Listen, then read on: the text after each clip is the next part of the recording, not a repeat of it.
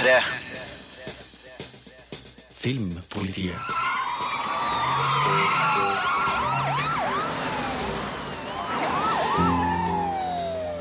Dagen i morgen, Sølvbjørnvinner fra Berlin med Isabelle Huppert i hovedrollen, er en fransk film i aller fineste forstand. Moi aussi, j'ai une grande nouvelle à t'annoncer. Mon mari et moi, on se sépare. Je vais divorcer. Inferno, den tredje filmen om Robert Langdon, basert på Dan Browns bøker, viser tydelige tegn til å være et tynnslitt konsept. Humanity is the disease. Inferno is the cure. Den brasilianske filmen Ikke kall meg sønn er et forstandig drama om en ung gutt som blir satt i en helt spesiell familiesituasjon. Para de me chamar de filho! Você não é minha mãe! Animasjonsfilmen Trolls er et fargerikt, men forutsigbart eventyr. Jeg kommer ikke på festen din! Festen er avlyst! Vi ble nettopp angrepet av en bergenser! Den norske dokumentaren Barneraneren er et interessant portrett av en ung Oslo-gutt og hans sosiale utfordringer, men filmens form er problematisk. skal ikke henge med han. Jeg føler at det blir feil. Og den amerikanske komedien Masterminds er en idiotfilm med vitser av laber kvalitet. Janice, I'm sorry I'm late. That's okay. I'm glad you got here when you did. I've been crying for hours. Det her er premierefilmene som skal anmeldes den neste halve timen. Filmpolitiet. Filmpolitiet anmelder film. T'as intérêt à ça, sinon je t'abandonne dans la forêt. Compris, Pandora C'est pas la peine de me faire des yeux doux. Hmm. Den franske regissøren Mia Hansen Løve imponert med DJ-filmen Eden. Med dagen i morgen returnerer hun til noe av den samme tematikken fra hennes første filmer, Le Père de mes enfants og Tout est pardonné. Det handler om familieforhold satt under press, og hvordan relasjonsdynamikken endrer seg med tida. Dagen i morgen er et intelligent drama som ikke tar i bruk unødige virkemidler for å skildre konsekvensene av et brudd, annet takka være Isabel Hyper, som spiller med sår innlevelse og høy troverdighet. Historien som fortelles, kan i perioder virke tilsynelatende vag og retningsløs, men til sist fremstår det her som en god observasjon av livets foranderlighet over tid. Moi aussi, j'ai une grande nouvelle à t'annoncer. Mon mari et moi, on se sépare. Je vais divorcer. Divorcer? Nathalie, spilt av Isabel Huppert, er en aktiv filosofiprofessor i Paris. Hun er gift med likesinnede Heinz, spilt av André Marceau, og sammen har de to barn som nå har flytta ut. Deres dager fylles med poesi, litteratur, diskusjon og undervisning av kunnskapstørste elever. Regissør og manusforfatter Mia Hansen Løve er datter av to filosofiprofessorer, så man kan mistenke hun for å vite godt hvordan et slikt samliv arter seg. Andre elementer i historien er Nathalies vanskelige forhold til sin gamle mor, Yvette, spilt av Edith Skob, og det varme vennskapsforholdet hun har til sin gamle elev og protégé, Fabienne, spilt av Roman Kolinka. Så skjer det flere ting, uavhengig av hverandre, som plutselig gir Nathalie en ny type frihet som hun ikke helt vet hva hun skal gjøre med. Quand j'y pense, mes enfants sont partis. Mon mari m'a quitté, ma mère est morte. J'ai retrouvé ma liberté. Une liberté totale. J'ai jamais connu ça. C'est extraordinaire. Mia Hansen Løve bruker god tid på å introdusere ekteparets tilsynelatende lykkelige og innholdsrike liv. Figurskildringene overbeviser med godt skreven dialog, fine stemninger og små problemstillinger som til sammen utgjør en troverdig helhet. Når det hele ramler sammen, og Heinz flytter sammen med en annen kvinne, reagerer ikke Nathalie med hyl, skrik og overdreven dramatikk, men med tilbakeholdne utbrudd med en underliggende sårhet over alt det tapte. Qu'est-ce que tu fais Je libère la place. Mais enfin, c'est pas la dernière fois que tu viens. Mais évidemment que c'est la dernière fois. Qu'est-ce que tu t'imagines Filmen forsøker å formidle noe om filosofiens og politikkens plass i menneskers hverdag. I Nathalies timer med elevene leses sitater som av og til reflekterer det hun sjøl gjennomgår. Og i møte med ungdommers politiske opprør innser Nathalie at hun er for gammel til å være rebell. Isabel Ypper spiller godt, noe det er lett å ta som en selvfølge når det gjelder hun. Men det kan virke som om hennes skuespill er en god match for Mia Hansen Løves flytende og elegante regi, der velskreven, bitende og sannferdig dialog avløses av plutselige øyeblikk fylt av poetisk skjønnhet, som for eksempel Nathalies vandring under et besøk på en fjellgård, der hun rett og slett setter seg ned på en eng for å lese. De toute façon, nous les femmes, après 40 ans, on est bonnes à à la poubelle. Comment tu peux dire ça Surtout toi. C'est la vérité, c'est tout.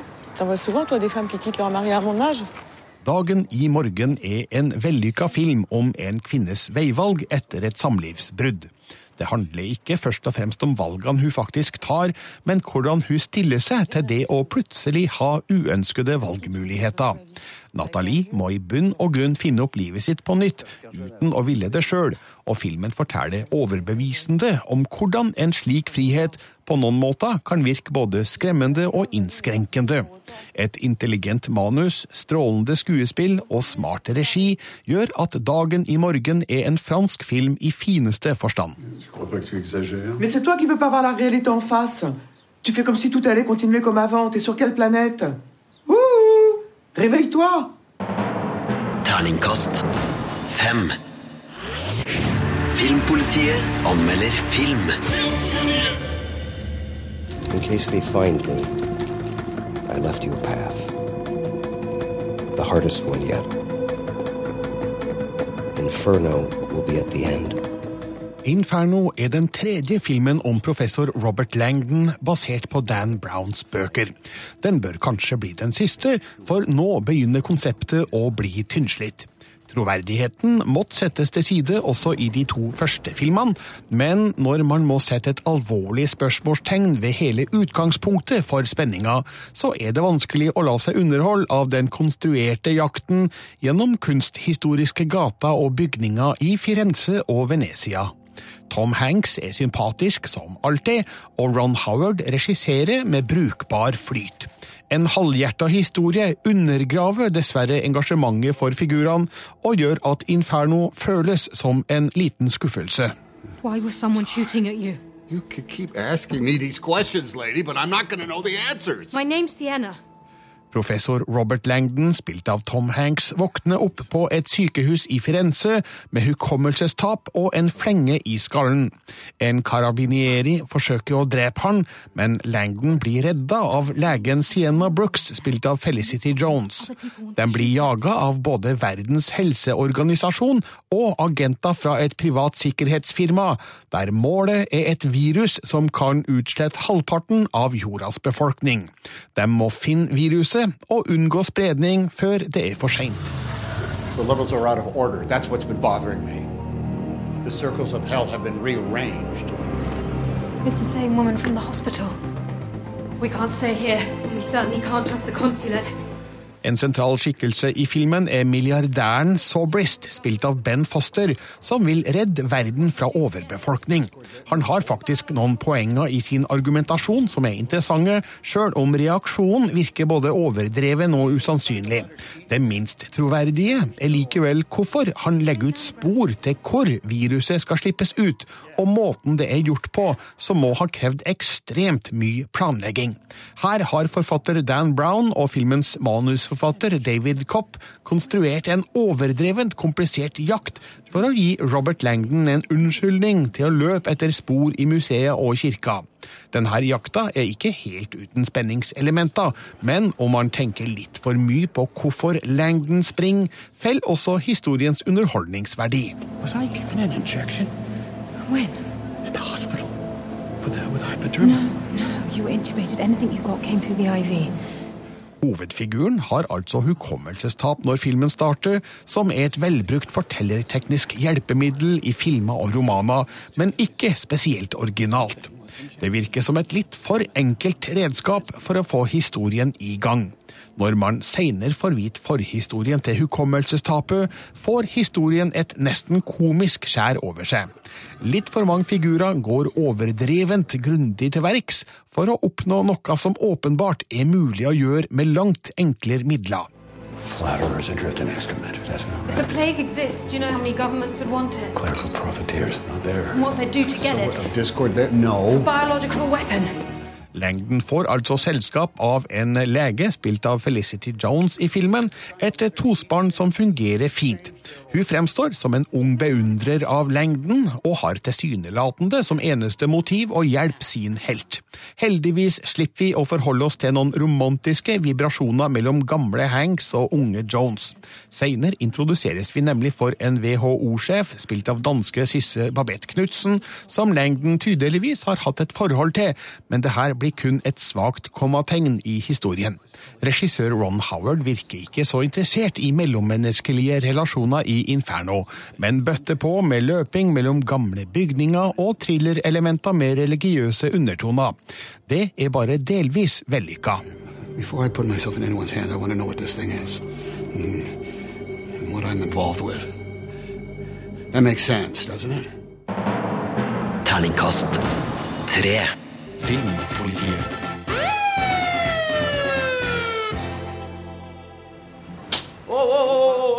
Vai se fuder, pô! É você, caralho! Filho da puta! Ikke kall meg sønn er den norske tittelen på et brasiliansk drama om en ung gutt som får hele familiekonstruksjonen revet ned og snudd på hodet. Filmen har en realistisk tilnærming til problemstillinga, sjøl om regissør Anna Mühlert tidvis forteller historien for hastig og kortfatta. Noen av figurene lir under det, og fremstår mindre troverdige og gjennomtenkte. Ikke kall meg sønn er likevel et forstandig drama, med noen fine observasjoner omkring familierelasjoner under helt spesielle omstendigheter. Oi, Pierre. Boa noite. Boa noite. Você é Pierre Almeida, né? Isso. Filho da dona Araci? Tudo bem? Sou o inspetor Sakurai da Polícia Civil. Pierre, spilt av Naomi Nero, er en 17 år gammel gutt som er i ferd med å finne ut av seg sjøl når livssituasjonen tar en brå vending. Mora Arasy, spilt av Daniela Nefussi, blir arrestert når det viser seg at Pierre ikke er adoptert som han tror, men ble stjålet som baby. Nå gjenforenes han med sine biologiske foreldre, som lar egen lykke overskygge situasjonens brutale konsekvenser for Pierre, som mister kontakten med dem han anser som sin mor og søster. Han gir utløp for sine følelser på en måte som setter forholdet mellom de biologiske foreldrene på prøve. Foi, porra! Minha mãe tá te esperando há mó tempão e você vai ficar aí trancado? Sai, por favor. Abre aqui. Ved filmens begynnelse beskrives det befriende naturlig og uanstrengt hvordan Pierre er midt i en individualiseringsprosess, der han iført dameundertøy har sex med ei jente på fest. Seinersekvenser viser òg at han åpenbart er i en eksperimentell fase, der hans seksuelle legning er noe uklar. Rollen spilles nydelig av Naomi Nero, en gutt tross navnet, som henta inspirasjon fra sin egen transseksuelle søster. Hans rolletolkning gjør det lett å forstå Pierres sinne og motløshet, som lenge bobler under overflata fordi han er en rolig og sindig gutt. Camiseta, como que você prefere? Camisa, camiseta? Eu só não tô conseguindo abrir essa mala. Deixa isso pra depois. né? Não, vamos arrumar agora. Ah, aqui. Det er derimot vanskeligere å tro på noen av figurene rundt Pierre. De nye foreldrene virker i overkant ivrige og utålmodige, og skal gjøre opp for 17 års adskillelse på rekordtid, uten noen forståelse for hvordan situasjonen arter seg for han. De begynner veldig kjapt å kalle han sønn, og tiltaler han med navnet de ga han før han ble kidnappa fra fødeavdelinga. Figurene er sjølsagt satt i en veldig spesiell situasjon, men de burde vært smartere skrevet og mer nyansert formidla. En fiffig detalj i filmen er at både adoptivmora og den biologiske mora spilles av samme skuespiller, Daniela Nefussi. Hun gir begge figurene et klart definert særpreg, men jeg er litt usikker på hvilken effekt Mühlert er ute etter her. Kanskje skal likhetene gjøre Pierres situasjon enda mer forvirrende, men det ville åpenbart gitt større kontraster å la to ulike skuespillere ta hver sin rolle.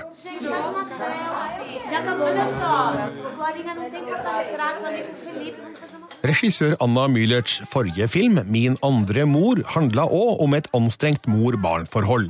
Mens den handla om en mor som plutselig må ta ansvaret for sin datter, handler altså Ikke kall meg sønn om en gutt som plutselig må forholde seg til en ny mor og far. Filmen presenterer noen interessante problemstillinger. Ikke all får nødvendigvis en forløsning, og historien stopper litt plutselig etter bare 1 time og 22 minutter, men den forlater oss i det minste med et flott avslutningsbilde som gir et visst håp om at de her figurene vil kunne greie å finne veien videre. Terningkast fire. Animasjonsfilmen Trolls anmeldes av Sigurd Vik. Filmpolitiet anmelder film. Chris! Chris! Chris, er du der, eller? Gå vekk! Jeg kommer ikke på festen din! Festen er avlyst. Vi ble nettopp angrepet av en bergenser. Jeg visste det! Det svinger godt av både humør, farger og påfugl når selskapet bak Shrek-filmene igjen trykker til med troll på det store lerret i animasjonsfilmen Trolls. Men til tross for et par sjarmerende hovedpersoner og Justin Timberlakes fengende sommerhit Can't Stop The Feeling, blir det her et ganske traust eventyr som aldri overrasker i verken handling eller rollegalleri. Filmen sikter på et ungt publikum og tar utgangspunkt i de hårfagre lykketrollene du finner i butikken. Og med tungt fokus på lykketrollenes kosekvaliteter oppleves Trolls etter hvert som en helaftens reklamefilm for de drøyt 50 år gamle danske leketrollene. Vil du bli med meg til Bergen by og redde alle sammen? Hva? Nei. Kvist, du kan ikke si nei! De er vennene dine. Ah, ah, ah. Det er dine venner. Så vil du bare gjemme deg her for alltid. For alltid? Nei. Lykketrollene er verdens lykkeligste troll, som elsker å klemme, synge og danse. Dessverre blir de oppdaga av de store, fæle og ulykkelige bergensertrollene, som tror at den eneste måten de kan bli lykkelige på, er ved å spise et lykketroll. For 20 år siden klarte lykketrollene å flykte fra sin fangekoloni i Bergen, men tiden i frihet har sløva sansene deres, og etter hvert så fører lykketrollenes sang og høylytte feiringer til at de igjen står i fare for å havne på middagsbordet. Uten å avsløre for mye av handlinga, er hovedproblemet her at det er altfor lett å avsløre handlinga. Ikke sånn at jeg kunne ha gjetta meg til hele manuset på forhånd, men her går filmskaperne alltid for det trygge valget.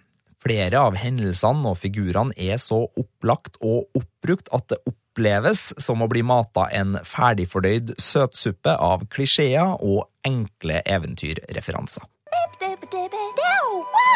Er du nødt til å synge? Jeg synger alltid når jeg er i godt humør. Er du nødt til å være i godt humør? Hvorfor skal jeg ikke være det? For på denne tiden i morgen er jeg med alle vennene mine. Trolls har kvaliteter som kan gjøre det her til en populær film blant det yngste kinopublikummet. Det er en fargesprakende og fartsfylt animasjonsfilm som bruker velkjente låter og eventyrreferanser til å spre det uklanderlige budskapet om at ekte lykke må skapes fra eget hjerte. Den kommer ikke av å spise lykketroll. Så får jeg bare leve med min mistanke om at gjengen i Dreamworks som har laga denne filmen, egentlig håper publikum skal gi blaffen i det budskapet, og heller dra til butikken og hamstre lykketroll som om de var skrubbsultne bergensertroll. For selskapet har selvfølgelig kjøpt seg inn i de kommersielle rettighetene til de hårfagre lekene. Dere syns jeg var sjuk, hæ? Hvem er som er sjuk nå? Jeg. Terningkast tre. Og det var Sigurd Viks anmeldelse av Trolls. Filmpolitiet anmelder film. For oss var Haugstad, eller HG som vi kalte det, det eneste stedet vi kjente til, og det eneste stedet vi ville bo. Barneraneren er en norsk dokumentarfilm om en ung østkantgutts sosiale utfordringer. Det er en interessant fremstilling av hans møte med lovverk og myndigheter, og den motvillige holdninga han har til å forandre seg. Regissør Jon Haukeland har imidlertid laga en hybrid av dokumentar og fiksjon, der det er vanskelig å tyde hva som er ekte, hva som er rekonstruert, og i hvilken grad det vi ser er iscenesatt og tilrettelagt for kamera. Rulleteksten avslører at noen av figurene sågar spilles av skuespillere. Det oppfattes som problematisk, all den tid filmen fremstår som dokumentarisk i formen, og ikke på noe tidspunkt informerer om ekthetsgraden av det vi ser. Men det kan ikke underslås at Barneraneren er et interessant portrett av en Oslo-gutt på godt og vondt. Dette er hardbarkede kriminelle. Du har møtt mange av dem selv. Han hadde møtt oss på Haugstad og ville at vi skulle være rundt dem. I begynnelsen jeg syntes det var heftig. Hovedpersonen er 15 år gamle Noah, som allerede har flere kriminelle handlinger på rullebladet. Etter at han blir dømt for medvirkning til ran, blir han oppfordra til å flytte fra mora på Haugenstua til faren i Bærum, for å komme seg unna sitt gamle miljø, samtidig som han får jevnlig oppfølging. Problemet er at Noah egentlig ikke er interessert i å forandre noe som helst, og vil ikke kutte kontakten med sine venner, spesielt Hashim og Tim. Han forsøker halvhjerta, men bare fordi oppfølgingsgruppa ber han om det. Når han sitter i møter med dem, er det åpenbart at han stort sett sier det de vil høre, og lyver om omstendigheter som setter han i et dårlig lys. Folk jeg, jeg er oppvokst med, da. og for at dere skal komme ned og fortelle meg at liksom, du skal ikke henge med han jeg føler at det blir feil. Noah fremstår likevel som en sympatisk ung gutt som rives mellom etnisitet og klasseskiller. Kontrastene er store mellom hans vante hverdag på østkanten, omgitt av ungdom med alle slags bakgrunner, til det nye livet blant overveiende etnisk norske venner på vestkanten. Barneraneren handler om vennskap og tilhørighet, og hvordan det er vanskelig å kutte bånd til et miljø som definerer deg som person. Det her får filmen skildra klart og troverdig. Hvorfor er du egentlig her hvis du kan chille med de og kjøre båt og sånn? Det er så mye bedre. Det er... Jeg, jeg føler liksom at jeg har en plass her. Hvor er vi? Åge! Hvor er vi? Åge! Ja, ja, gang! Det er flere interessante elementer i Barneraneren. Dessverre er det vanskelig å stole helt og fullt på det som vises, nettopp fordi filmen blander dokumentasjon og rekonstruksjon på en måte som gjør det vanskelig å ta stilling til materialet. Kanskje burde Barneraneren vært fortalt som spillefilm i stedet, eventuelt lages som en mer konvensjonell dokumentarfilm. I det øyeblikket man ikke er sikker på om det man ser er ekte eller iscenesatt, har dokumentarfilmen et problem. Men det er verdt å sette pris på portrettet av Noah, som vekker håp om at det tross alt skal gå han godt. Tror du kommer til å bo her resten av livet? Det hadde gøy å oppleve andre ting også. Terningkast tre. Filmpolitiet anmelder film. So Miss Campbell tells me y'all work together over at Loomis. Said you're one of their best employees, just a real straight arrow, clean as a nun's undies. Fact is, she said you're so trustworthy you're one of the only non-managers to have a key to the vault. You see where I'm going with this? En hendelse fra virkeligheten har blitt knadd og elta til en dårlig film. Masterminds er nemlig dum som et brød. Veldig tidlig blir det åpenbart hvor lista er lagt, med flere prompe- og puppevitser av laber kvalitet. Resten av humoren holder stort sett samme nivå, med noen få unntak. Sjøl ikke Zack Galifianakis sine evner som komiker holder til å gjøre det her til noe i nærheten av brukbar underholdning. Masterminds er en amerikansk idiotfilm som roter bort en potensielt interessant historie med femtesortert fjas. Loomis Fargo may look like a big warehouse, but the money inside belongs to the banks. And if you take it, well, technically speaking, you're robbing a bank, and that's a federal offense. Shh, David, just just listen. We're just just talking. Utgangspunktet er ranet av 17 millioner dollar fra pengetransportfirmaet Loomis Fargo i North Carolina i 1997. Filmen forteller hvordan en ansatt, David Gant, spilt av Zack Galifianakis, utfører ranet etter å ha blitt overtalt av sin tidligere kollega Kelly Campbell, spilt av Kristen Wiig, som igjen er overtalt av Steve Chambers, spilt av Owen Wilson. Verken ranet eller etterdønningene av det blir helt som noen av dem har planlagt. Janice, I'm sorry I'm late.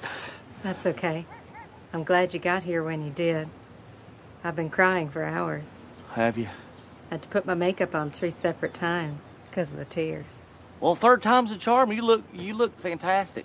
Navnene til mange av hovedpersonene er ekte, noe som virker litt merkelig, siden det er tatt såpass store friheter i handlingsforløpet at filmen har lite med virkeligheten å gjøre, sjøl om den virkelige David Gant har vært med som konsulent her.